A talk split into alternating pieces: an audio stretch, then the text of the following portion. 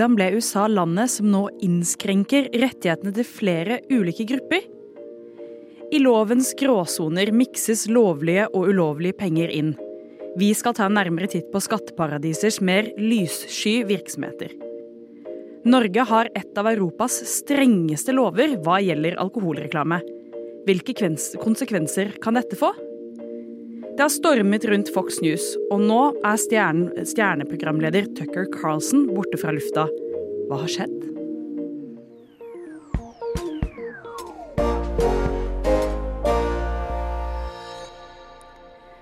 God morgen, god morgen, og velkommen til Opplysningen her på Radio Nova. Mitt navn er Runa Årskog, og det er jeg som skal ta deg gjennom denne sendingen denne fredagsmorgenen. Men eh, fortvil ikke, i dag har jeg også med meg en god kollega. Hei, Emma.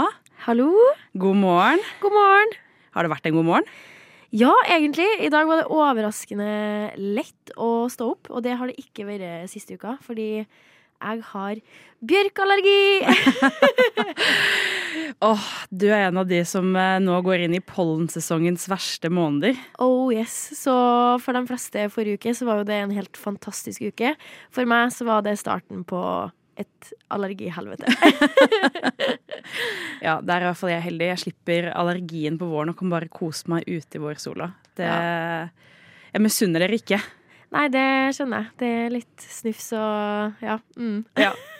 Eh, men i dag så har vi sendingen fullstappet av masse og mange interessante saker. Eh, men før det så skal vi høre på litt god og rolig musikk her i starten på morgenen her. Du, her får du Marin Davidson med 'Friday Night Lie'. Um, perhaps you would like a marmalade sandwich? I always keep one for emergencies. So do I. I keep mine in here. Opplysningen. Perfekt til syltetøysmørbrødet. Ja, Emma. Eh, har du fått med deg at det skjer veldig mange lovendringer i USA? Eh, ja. Det gjør det vel alltid, føler jeg. Ofte for det verre. Men eh, ja, jeg har fått med meg at det er et eller annet litt sånn abortkrise. Det har det jo vært ganske lenge nå. Men at nå skjer det mer ting. Så mm. jeg har ikke fått med meg helt sånn nøyaktig. Men jeg vet at jeg føler jeg ser på et skip som synker, liksom. Ja. ja. for i USA så har det jo sånn at eh, de ulike statene får nå lov til å bestemme litt mer selv om hvordan de skal ha det med abort. Eh, og så er det en rekke andre lover med tanke på innskrenkning av eh, skeives rettigheter som er, er på glid nå. Og det vet ikke med deg, men jeg syns det er veldig skummelt. Jeg syns det er kjempeskummelt, eh, fordi at eh, i hvert fall i oppveksten så har jeg på en måte følt at USA er så nærme oss. Eh, og det er liksom der vi henter inspirasjon og i hvert fall liksom moteklær. Det har jo alltid vært sånn. Men når sånne her ting så Jeg blir helt sånn sjokkert. Er det virkelig sånn at vi skal gå bakover? Og liksom USA som har så mye innflytelse og Nei, jeg syns det er kjempeskummelt. Ja, og så syns jeg det er jo det det er spesielt, fordi landet driver og diskuterer at det skal bli lovlig med marihuana. Og samtidig så skal man innskrenke eh, rettighetene med at eh, drag queens ikke lenger får lov til å opptre. Det er jo en, er en kunstform, så jeg blir litt sånn Jeg blir veldig satt ut. Ja, det er veldig, det er veldig, veldig merkelig. Og man blir jo litt sånn fortvila over at de ikke ser det sjøl. For jeg tenker sånn eh, Liksom våpenlovene i USA eh, er jo helt forferdelig, og det er jo kjempeskummelt for liksom førskolebarn, barn i skolen. Men drag queens blir liksom sett som, på som en trussel. Veldig merkelig. Veldig merkelig. Eh, og innskrenkninger av disse lovene og hvordan de fungerer og hva som egentlig har skjedd i USA, det skal vi høre litt mer om. Fordi Selma Bull fra Studentnyhetene hun har laget en ordentlig god og spennende sak til oss. Her kommer den. Mandag denne uken kunne man i Filter nyheter lese at folkevalgte transkvinne Zoe Seffer ble nektet taletid i delstatsdepartementet i Montana for andre uke på rad.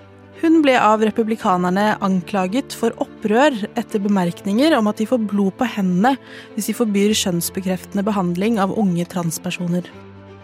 Samme dag vedtok North Dakota en av de strengeste antiabortlovene i landet. Nå er all abort ulovlig, kun med unntak i tilfeller av voldtekt, incest eller medisinske nødtilfeller. Etter seks uker er all abort ulovlig, uten unntak. Jeg lurer på hvordan USA, som tilsynelatende er et utviklet og demokratisk land, har havnet på et sted hvor de innskrenker rettighetene til flere grupper i samfunnet. Demonstrators flocked to the Supreme Court shortly after Political broke the news Monday night an unprecedented leak of an entire draft opinion. My initial reaction is that it's stunning on so many levels. First of all, just for what's happening in America, we're talking about 50 years of precedent that it appears now will definitely be a thrown out political earthquake last May when the draft Supreme Court opinion overturning Roe v. Wade was leaked. For å hjelpe meg å finne svar på dette, har jeg snakket med professor Randall James Stevens på Universitetet i Oslo, som er ekspert på mye, men også amerikansk politikk og samfunn. Noe av det første jeg spurte professor Randall om, var hvordan USA har havnet der de er nå. Part of it, I think, has to do with just how much the right pushed this as a key agenda item. So there was a lot of money behind it, a lot of effort. And in part, some of it's really recent because a lot of it has to do with Donald Trump, who appointed three very conservative Supreme Court justices. And that has enabled the, the highest court in the land to make this decision that really overturned it Roe versus Wade. Høyesterett er den øverste domstolen, og er den eneste føderale domstolen som er nedskrevet i Grunnloven.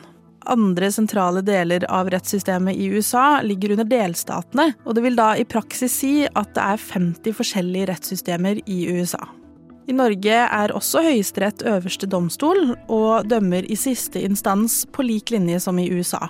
Likevel er det noen forskjeller. Den amerikanske grunnloven sier ingenting om hvor mange høyesterettsdommere det skal være, det er det Kongressen som bestemmer. Siden 1869 har det vært ni dommere. I Norge har vi 20 dommere, og det er Innstillingsrådet som innstiller dommere til Høyesterett etter at de selv har søkt. Til slutt utnevnes de av kongen i statsråd. I USA er det presidenten selv som utnevner dommerne til Høyesterett, og de sitter på livstid. I Norge sitter høyesterettsdommerne til de er 70 år, eller til de går av selv. Begge domstolene har noen etiske retningslinjer som dommerne må følge. Her nevnes det i begge at man skal opptre uavhengig og uten påvirkning fra offentlige eller private interesser.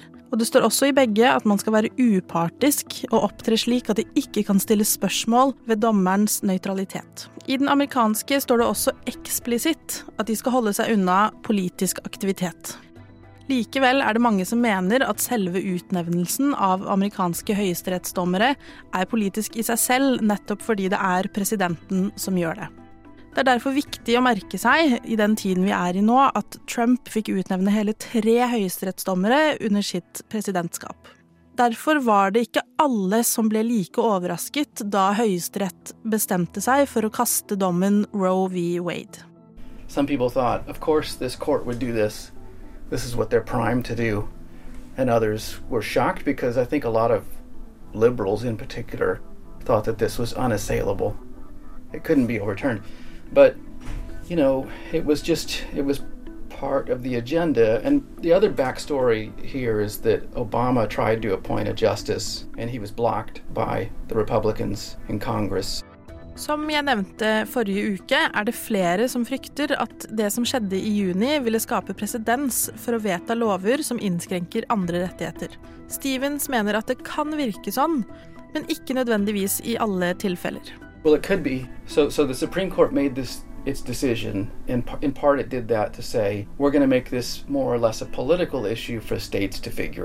So, supposedly, the Supreme Court is neutral, kick it back to the state legislatures. And those state legislatures, some of them are very, very conservative. There was talk at the very beginning when the Supreme Court made the decision to overturn Roe versus Wade that, that maybe this would be uh, the beginning of overturning gay marriage from 2015, the decision that was made. But it seems like that's less likely now.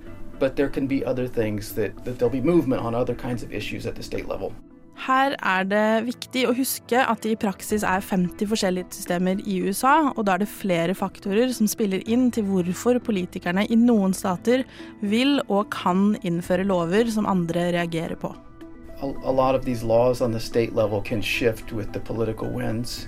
And it also depends on, in quite a few very conservative states, Republicans have redrawn these areas. That's called gerrymandering, but Vent litt nå.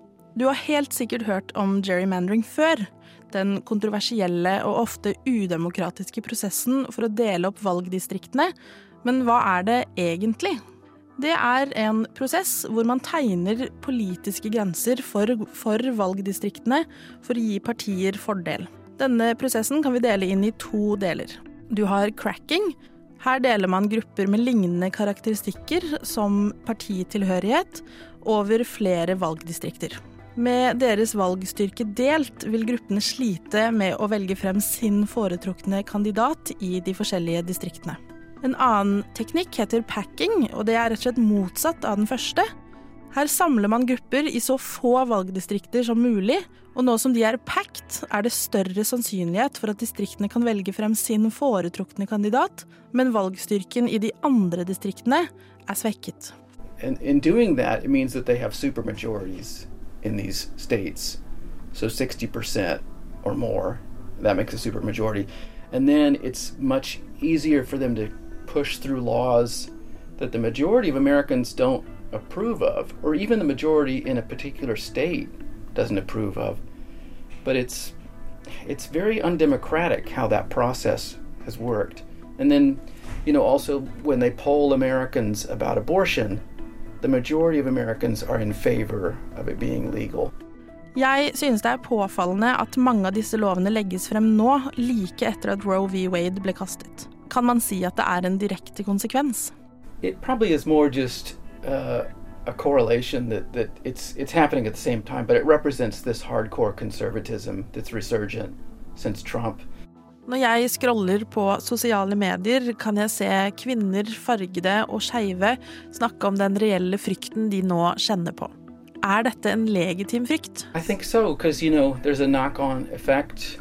Uh, it creates a, a toxic environment when you have politicians who are using you as a kind of political weapon or to score points with their hardcore base. Selv etter å ha snakket med en ekspert på området, kan jeg si at det ikke er lett å bli klok på hva som skjer i USA nå. Deler av det kan vi forklare med Trumps presidentskap og hva slags politisk klima og retorikk han var med på å etablere, som har polarisert hele samfunnet. Trump er likevel ikke den første, og heller ikke den siste konservative politikeren USA har sett. Jeg tror hovedårsaken til at det er mulig for den lille, men mektige konservative gruppen av republikanere å gjøre endringer, er hvordan systemet fungerer. Både rettssystemet og det politiske. Klippene jeg har brukt, har jeg hentet fra The Hill, NBC, ABC og Associated Press. Reporter i denne saken var Selma Bull. Og vi forlater ikke USA med det første, vi skal ha litt god countrymusikk av Mont Wales.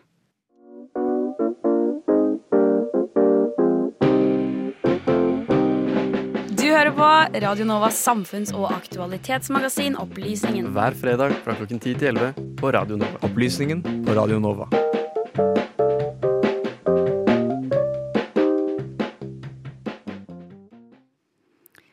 Emma, Ja. hva er det aller første du tenker på når du hører ordet skatt? Um, hjelp. jeg syns det er kjempevanskelig. For når jeg liksom får det skatteoppgjøret, så blir jeg sånn Jeg vet ikke hva noe betyr. Jeg krysser fingrene og trykker på send, liksom. Og så eh, Ja, som oftest så får jeg jo igjen, så jeg har ikke gjort noe galt ennå. Men jeg er livredd for at jeg skal få melding av skattemyndighetene og bare 'Du har gjort en kjempefeil'. Du skylder kjempemasse penger. Så ja. Ja, men det er jo sånn at hvis du hadde vært styrtrik, så kunne du faktisk betalt noen for å få litt eh, hjelp med akkurat de greiene der. Har du Ja. tenkt på det? Nei, men jeg tror hvis jeg, hvis jeg hadde vært kjemperik, så tror jeg jeg hadde vært sånn ah, Bare ta pengene mine, ass. det går fint. Ja, det er jeg helt enig i. Men eh, det å være styrtrik gjør også at du har muligheten til å skjule pengene dine. eh, Og det er en del eh, ulovligheter som skjer i et slags virvar av lover og regler. Det har jeg sett litt nærmere på, så her får du saken om skatteparadis del to. 2017 ble preget av en enorm bevegelse kalt metoo. Høytstående mennesker ble konfrontert med at de gjennomgående hadde utført seksuell trakassering, upassende oppførsel og til tider overgrep. I mange tiår hadde de med makt i samfunnet og på arbeidsplassen hatt egne regler for hvordan man kan behandle folk, og hvor mye man kan ta seg til rette. Og det verste av alt er at det var mange som visste om det. Dessverre er ikke metoo noe unntak. Per dags dato vet vi at det foregår en rekke kriminelle forhandlinger bak lukkede kontordører. Gjennom selskapsformer og finansielle institusjoner kan eksisterende selskaper skjule pengene sine. I samspillet mellom ulike lands juridiske lover og regler sammenflettes lovlig og ulovlig kapital inn.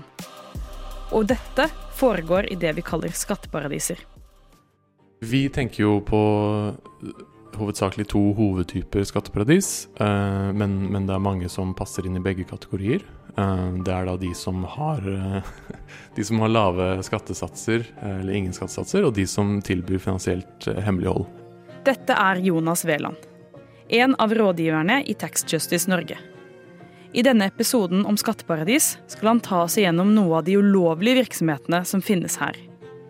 Det er igjen vanskelig det her spørsmålet med hva som er lovlig og ikke, nettopp av hensynet til lands selvråderett, fordi land kan selv bestemme eh, hva som er ens egen lover og regler. Så det er nok ingen skatteparadis som er ulovlig i seg selv, men de skatteparadisene som tilbyr stor grad av finansielt hemmelighold, eh, det er nok de som står for, eh, eller tilrettelegger for, potensielt mange lovbrudd fra andre aktører, da, som utnytter lovene og reglene der, ved å, og, og dermed skjuler eierskap og, og, sånne ting, sånn at de, de kan drive med kriminell virksomhet uten at det blir oppdaget. Da. Men det har vært enkeltsaker der dette har blitt oppdaget. En av de mest kjente sakene omfatter de berømte Panama-papirene. Over 11 millioner dokumenter om personlig informasjon til velstående individer og offentlig ansatte ble lekket fra det Panama-baserte advokatselskapet Mossack Fonseca. Nå kunne hele verden lese om skatteunndragelsene, hemmeligholdet og hvitvaskingen fra over 200 000 selskaper. Og konsekvensene ble store det hadde ganske mange konsekvenser. Altså det, det avslørte jo Mossack Fonseca sin uh, virksomhet ved å tilrettelegge for uh, statsledere og eliter uh, rundt omkring i verden og tilrettelegge for at de kunne opprette selskaper og, og andre jurisdiksjoner gjennom skatteparadis, for bl.a. å skjule eierskapet sitt og redusere skatten de måtte betale. Så um, det er vel på en måte hovedtrekkene ved Panama Papers. Det hadde jo noen eh, ganske nyhetsverdige konsekvenser. F.eks. Eh, Islands eh, statsminister eh, måtte gå av eh, som følge av at han ble knytta til et selskap som var under etterforskning for korrupsjon, mener jeg husker, i forbindelse med finanskrisen i 2008. da, og Dette kom jo fram gjennom Panama Papers, og han måtte gå av som følge av det. Det var andre statsledere også som ble, som ble dratt inn uh, i, i, ulike saker. Annet David Cameron, daværende statsminister av Storbritannia, ble knyttet til et selskap uh, som var eid gjennom skatteparadis. Uh, også DNB i Norge ble avslørt at hadde noen Eller de har et filial i, i Luxembourg, da. Som eh, hadde tilrettelagt for omtrent 40 nordmenn, angivelig, da. Eh, opprette eh, selskaper og andre ting i skatteparadis. Men selv om dette gjorde oss mer oppmerksomme på hva som foregår, og omfanget av hemmelighold og kriminalitet, så er ikke problemet løst. I boka 'Pengeland' kunne den britiske journalisten Oliver Bullow avsløre hvordan russiske oligarker har tjent seg rike gjennom å skjule penger i skatteparadiser. Og ifølge enkelte har dette fått enorme konsekvenser for hele verdenspolitikken. Ja, altså noen mener jo det har skapt hele Putins uh, Russland, egentlig. Eh, bruken av eh, skatteparadiser.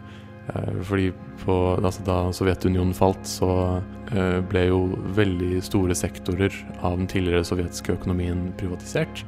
Og da gitt ut til enkeltpersoner. Og det første mange av disse enkeltpersonene gjorde, Eh, var å eh, sikre seg eierskapet av eh, disse sektorene, eller store selskapene, gjennom skatteparadis.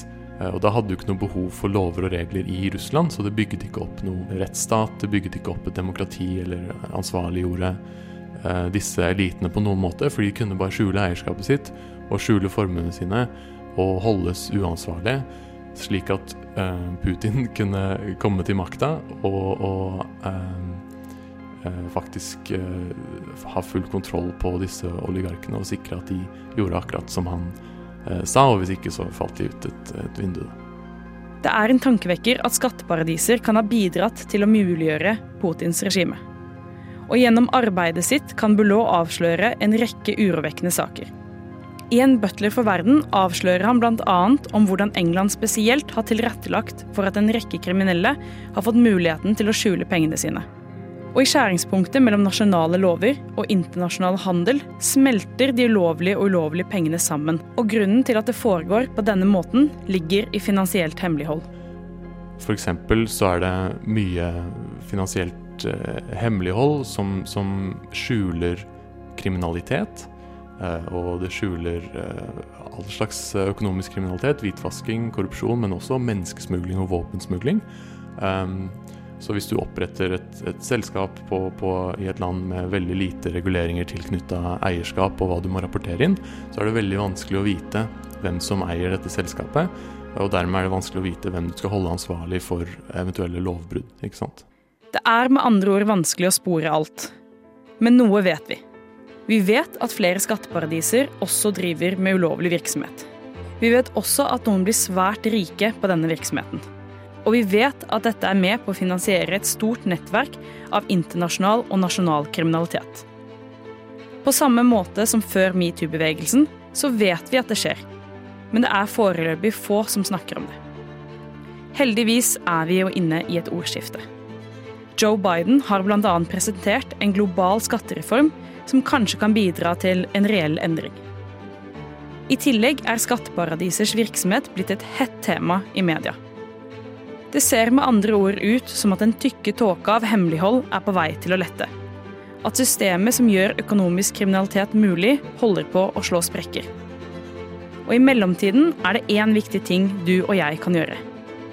Snakke om det og spre informasjon. For det er bare noen helt få som tjener penger på at dette holdes skjult. Og vi skal ikke la dem få fortsette med det.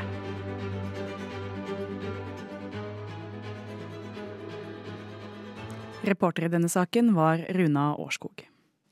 Det var August med Funeral Awards.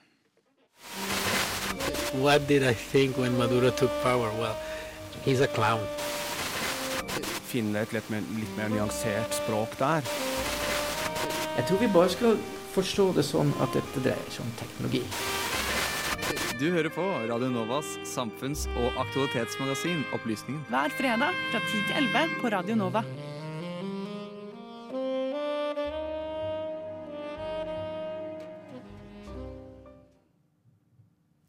Det er eh, bred politisk enighet om et strengt forbud mot alkoholreklame i Norge.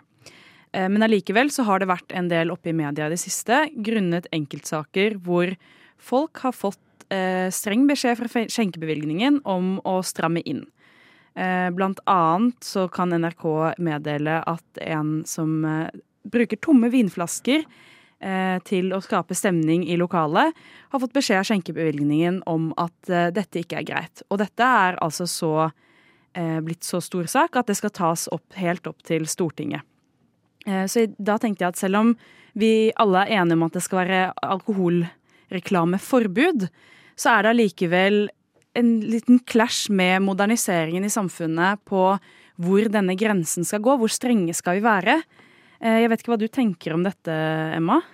Um, jeg tror nok at det er flere som sliter med å se litt grensene, for jeg vet jo at det er ganske mange, eller kanskje de fleste, da, i influenserverdenen òg, som på en måte har fått refs fra Helsedirektoratet fordi at de blander reklame med alkohol. Og da vet jeg for eksempel eh, Sofie Elise, Isabel Rad, eh, Fotballfruen er jo flere av dem som på en måte har fått en e-post i innboksen sin fra Helsedirektoratet. Eh, og der så jeg en uttalelse fra Isabel Rad der hun reklamerte for Jeg husker ikke helt hva det var, men det var en annonse der hun eh, skåla med to vinglass. Og da eh, svarte hun på den refsen med at jeg var ikke klar over at det var liksom eh, hva skal jeg si, glasset. Jeg tror det var mer flasken med emballasjen. Så jeg tror nok at det er mange som på en måte ikke helt er 100% sikre på hva den loven egentlig går ut på. Nei, og der er du inne på noe, fordi spesielt med tanke på denne influenserverdenen eller mobilbruken, så har det jo også vært saker der nå hvor folk har fått refs fra skjenkebevilgningen rett og slett fordi de har brukt sånne emojis med vinglass eller cocktailglass eh, og fått beskjed om at det må du fjerne, for ellers så reklamerer du for alkohol. Og det er jo enorme gråsoner. I og med at f.eks. før jul så kommer flere av avisene ut med eh, tips til hva slags vin du skal ha til julematen. Så jeg må innrømme, jeg skjønner ikke hvor den grensa går sjøl. Nei, og så er det jo på en måte, i hvert fall med den emojien, så er det jo litt sånn Hva er grensa for um, informasjon og reklame? Eh, fordi at jeg tenker at en bar må jo kanskje få lov til å informere om at i kveld så blir det servert, eller at de lanserer en ny drink, eller eh, Jeg vet ikke, men eh, ja, det, jeg tror det er veldig vanskelig, ja. Mm, og det er jo akkurat i barer så er det jo eh, kanskje enda mer spesielt eh, for de som kommer fra utlandet og kommer til norske barer. For der er det jo ikke lov å ha noe form for alkoholreklame der heller. Eh, og jeg lurer på om det var Johan Golden fra Misjonen som fortalte en historie om hvor han rett og slett ikke fikk lov til å få servert vann i et ølglass, for da ble det plutselig reklame. Altså et ølglass med emballasje på, da, altså hvor du ser at det er en type øl. Eh, og det jeg egentlig er litt nysgjerrig på når, mens vi snakker om dette, er jo også eh, har det, Hjelper det egentlig? Fordi altså jeg vet ikke med deg, vet du hvor mange, eller hvordan Norge ligger an med tanke på alkoholkonsum? Em, det er jo ikke noe sjokkerende at vi er ganske høyt oppe på lista der. Vi er jo nummer to um, på lista over konsumenter av alkohol uh, per person. Uh, og så er vi nummer fire hvis man regner med liksom BNP i tillegg til konsumet. Og det er jo veldig høyt. Em, og nå er jeg litt usikker på hvordan liksom, lovene er for de landene vi er i toppen sammen med. Men jeg tror nok at Norge er jo en av dem som har de strengeste lovene når det gjelder reklame. Så ja, det er litt spennende å se på det at hjelper det egentlig? Ja, fordi at, eh, og denne undersøkelsen som har sett på dette, har jo sett på dette i Europa. Eh, og da skulle man jo kanskje tro at det er andre land som topper lista. Eksempel er det ofte snakk om at eh, danskene er verst i Norden. Men her har dette er tall hentet fra SSB. Og der er, sier de rett og slett at ja, det kan godt hende, men ikke hvis du ser på per innbygger og hva per innbygger konsumerer. Eh, Så det er jo spørsmål om disse alkoholreklamelovene faktisk har noen virkning. Ja, og i hvert fall liksom i eh, samsvar med når alkohol er tilgjengelig i butikk, da, for eksempel. For at Frankrike er jo på en måte et land som er kjent for at alkohol er en del av kulturen. Der på en måte tar man seg litt vin til eh, måltidene og litt sånne ting. Men nordmenn er jo rå på det mengde Uansett om vi drikker sjelden, så drikker vi så mye. At det er litt sånn hastedrikking. Så Nei, jeg vet ikke helt hvilke tiltak eh, man kan gjøre for å prøve å dempe liksom, det stresset med at når jeg først drikker, så må jeg drikke så mye. Mm. Men kanskje det nettopp det at det er så strengt, da, nå bare synser jeg litt, men Ja. det at vi ikke har åpningstider til enhver tid, sånn som i Frankrike, så trenger du ikke å handle inn flere kartonger med vin for en helg fordi du er redd for å gå tom. For Mm. det er ikke noe stress. Du kan stikke ned på butikken når du vil og kjøpe en ny flaske vin. Så kanskje du rett og slett konsumerer mindre fordi du trenger ikke Det er ikke utilgjengelig plutselig. Det er alltid tilgjengelig. Ja. Det, jeg tror nok at det kan være et poeng, og det kan man jo kanskje se litt tendens hvis man sammenligner det med andre ting òg. Eh, så Nei, for at hele poenget med den loven her er jo å minske forbruket. Og da er det jo litt sånn vanskelig når de som faktisk lever av det her og jobber med det her, ikke helt vet hvordan de skal forholde seg til den loven. Så de kunne sikkert eh, hjulpet seg sjøl litt med å gjort det mer konkret.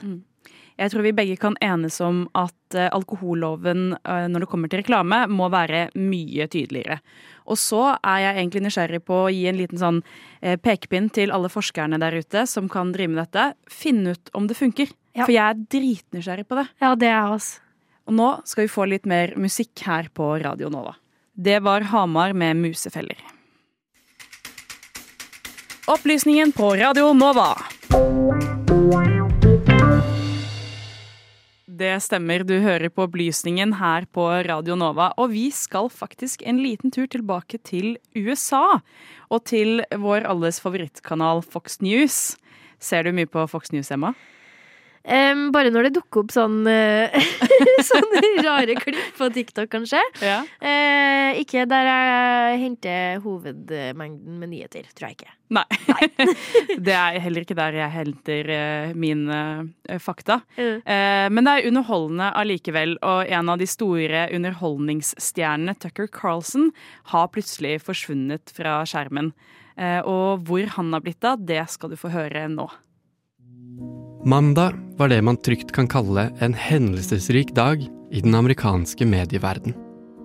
Hos Fox News ble det klart i en kunngjøring fra ledelsen at den konservative talkshow-verten Tucker Carlson skiller lag med kanalen som har vært hans hjem siden 2009. I sin siste sending på fredag antydet han til fred og ingen fare. And we'll be back on Monday. In the meantime, have the best weekend with the ones that you love, and we'll see you then. Men Tucker kom aldri tilbake på jobb den mandagen. Nå er han altså erstattet med et roterende persongalleri fra Fox News. Men som Fox News' desidert største og mest kjente ansikt, har Tucker Carlsons konfronterende kulturkonservative stil gjort ham til et velkjent varemerke. Også på denne siden av Atlanteren. I liberale sirkler ble nyheten om hans avskjed i all hovedsak møtt med lettelse. It's oh so good, Tucker Carlson, you fucking bozo ass subliminal bullshit artist. You're a fucking bullshit artist. Det ble ikke umiddelbart klart hvorfor Carlson og Fox går hver til sitt, men det har trolig en sammenheng med en veldig viktig rettssak. Høringen Dominion Voting Systems versus Fox News Network. Det canadiske selskapet Dominion lager elektroniske stemmemaskiner.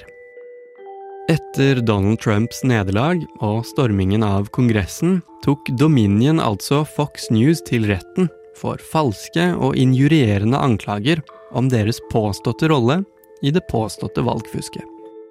Offentliggjorte dokumenter i forbindelse med høringen, vel, de avslører at flere av talkshow-vertene hos Fox, deriblant Tucker Carlson, skal ha tekstet seg imellom om absurde forespørsler fra ledelsen i kanalen.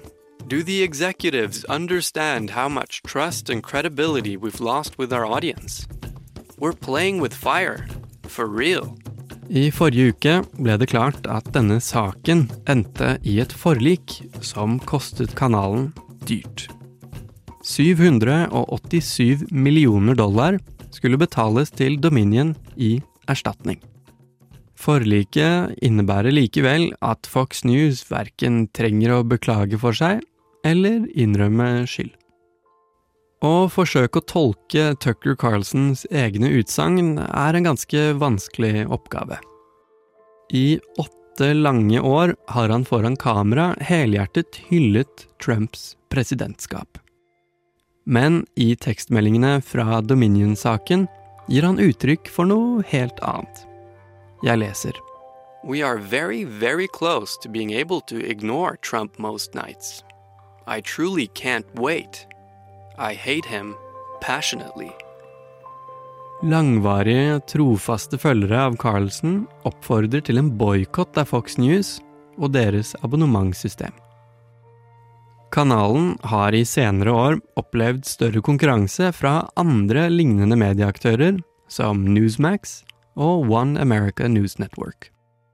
Alle forsøker å kapre sin del av det konservative nyhetsmarkedet og tiltrekke flest mulig seere fra den nå ganske løst definerte Make America Great Again-bevegelsen. Men mandag ble også et slags dobbelt sjokk. I samme klokketime vi fikk vite Tucker Carlson ble droppet av Fox News, så kom det en annen nyhet fra et ganske annet hjørne av mediesfæren, nemlig CNN, om en av deres største medieprofiler, Don Lemon. Årsaken til Lemons oppsigelse er heller ikke 100 klink.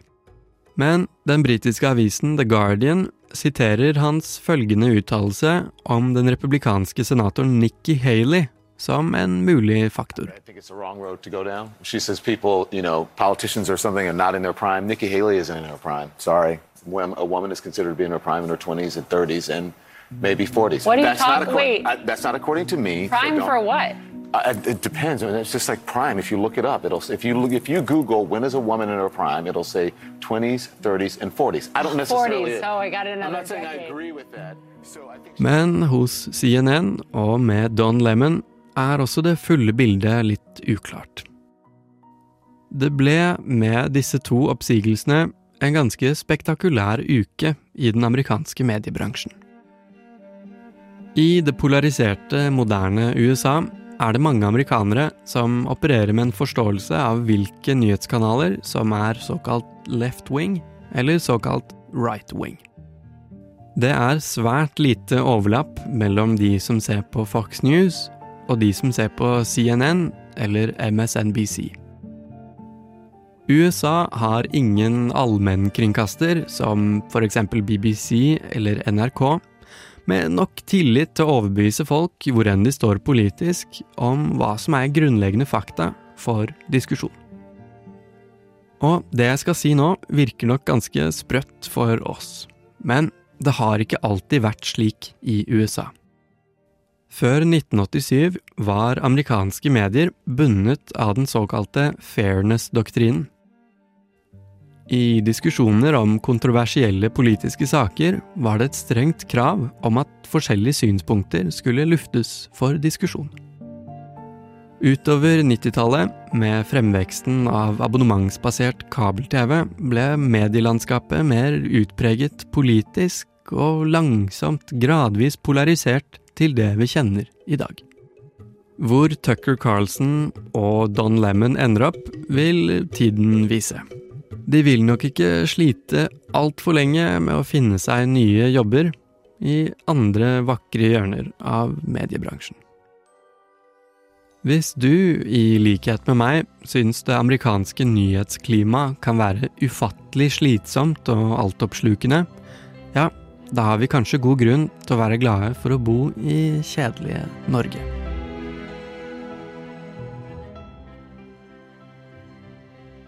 Reporter i denne saken var Benjamin Nordtømme.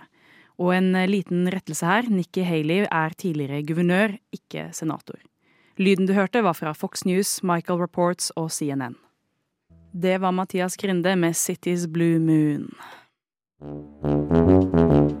Du, Sander? Ja. Hvorfor har du blitt så smart i det siste? Jeg vet ikke, jeg spiste epler og havregrøt, og så har jeg hørt på opplysningen, da. På Radio Nova. Ja, man blir kanskje litt smartere av å høre på opplysningen her på Radio Nova. Eh, Men nå begynner vi å nærme oss eh, slutten av denne fine timen her. Emma, har du noen planer for helga? Em, jeg skal feire uh, bursdag, ikke min egen, men uh, for noen andre. Så det blir veldig koselig. Så vi driver og holder på å brainstorme litt uh, bursdagsgave. Hva, Oh. hva gir man til en gutt på Å, herregud. Nå vet ikke jeg helt hvor gammel han blir. Men gutt à la min alder, liksom. Veldig vanskelig. Ja. Det er det. Bursdagsgaver er kjempevanskelig. For kjenner du dem dritgodt, så har du lyst til å gi noe personlig. Og kjenner dem sånn helt OK, så er det lett å kjøpe en flaske vin. Eh, men eh, ja. Ja. Er Det eh, kjæresten til samboeren i kollektivet, så jeg tror nok at det blir en liten sånn drinkmiks. Ikke for å reklamere for noe alkohol, men eh, Ja. Jeg tror det blir det. Ja, åh, jeg skal bare hjem og fortsette med litt oppussing, og så får vi jo besøk eh, i morgen. Eh, storfint besøk, faktisk. Eh, og da må møblene bare på plass. Mm. Eh, for akkurat nå så driver vi og klatrer oss inn til sofaen for å kunne slappe av. Eh, og det er ikke det mest avslappende. så jeg gleder meg til å få de på plass. Eh, og etter oss så får dere med dere Selma Bull igjen, som var innom her en liten tur, eh, med Studentnyhetene. Eh, og medvirkningen i denne sendingen har da vært Selma Bull eh, fra Studentnyhetene, eh, Runa Årskog og Benjamin Nordtumme. Og med meg i studio så har jeg hatt Emma Nordstein og Lise Benus på teknikk, som sitter der oppe. Tusen takk for at du hørte på, men fortvil ikke. Bli sittende. Det er etter oss kommer studentnyhetene.